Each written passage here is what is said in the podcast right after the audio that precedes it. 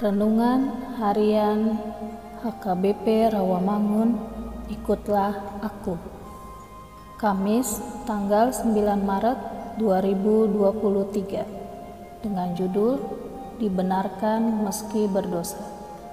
Bacaan kita pada pagi hari ini tertulis dalam Markus pasal 11 ayat 12 sampai 19 Bacaan kita pada malam hari ini tertulis dalam Kisah Para Rasul pasal 16 ayat 9 sampai 12. Dan kebenaran firman Tuhan yang menjadi ayat renungan kita hari ini tertulis dalam Roma pasal 3 ayat 20 yang berbunyi Sebab tidak seorang pun yang dapat dibenarkan di hadapan Allah oleh karena melakukan hukum Taurat.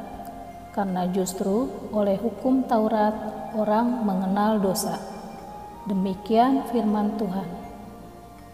Sahabat, ikutlah aku yang dikasihi oleh Tuhan Yesus.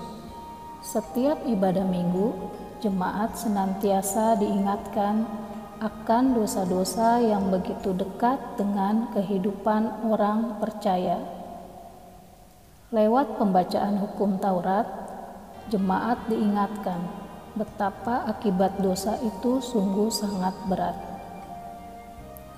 Dengan itu diajarkan supaya jemaat menghindari dosa dan tunduk kepada Kristus.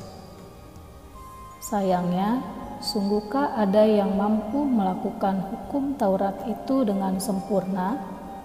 Tidak Bahkan pada saat ibadah di gereja pun mungkin kita juga berdosa. Apakah dosa karena anggota tubuh atau bahkan dosa karena pikiran dan hati yang sedang tertuju pada hal lain selain memuliakan Allah. Merasakan kasih Allah adalah hal yang sangat baik. Namun, merasakan bahwa diri layak dan benar di hadapan Allah bukanlah sesuatu yang benar.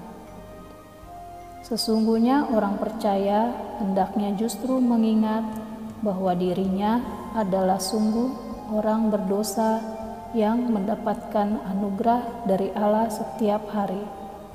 Dalam keberdosaan tidak pantas dan tidak layak, namun kemudian diberi anugerah oleh Allah dan dibenarkan.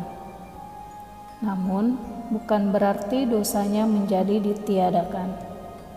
Allah hanya menutupi dosa-dosa itu dalam kasihnya. Jadi, mungkin saja kehidupan kita kelihatan baik-baik saja, namun sebaiknya kita haruslah membereskan dosa dan melawan dosa setiap waktu karena kemurahan Allah yang telah kita terima setiap saat. Kondisi ini jangan dibalik dengan berkata, "Marilah berdosa, karena Allah akan mengampuni." Justru ketika semakin menerima anugerah, maka semakin merasa jijik dengan dosa-dosa yang mungkin terjadi dalam diri. Amin. Marilah kita berdoa.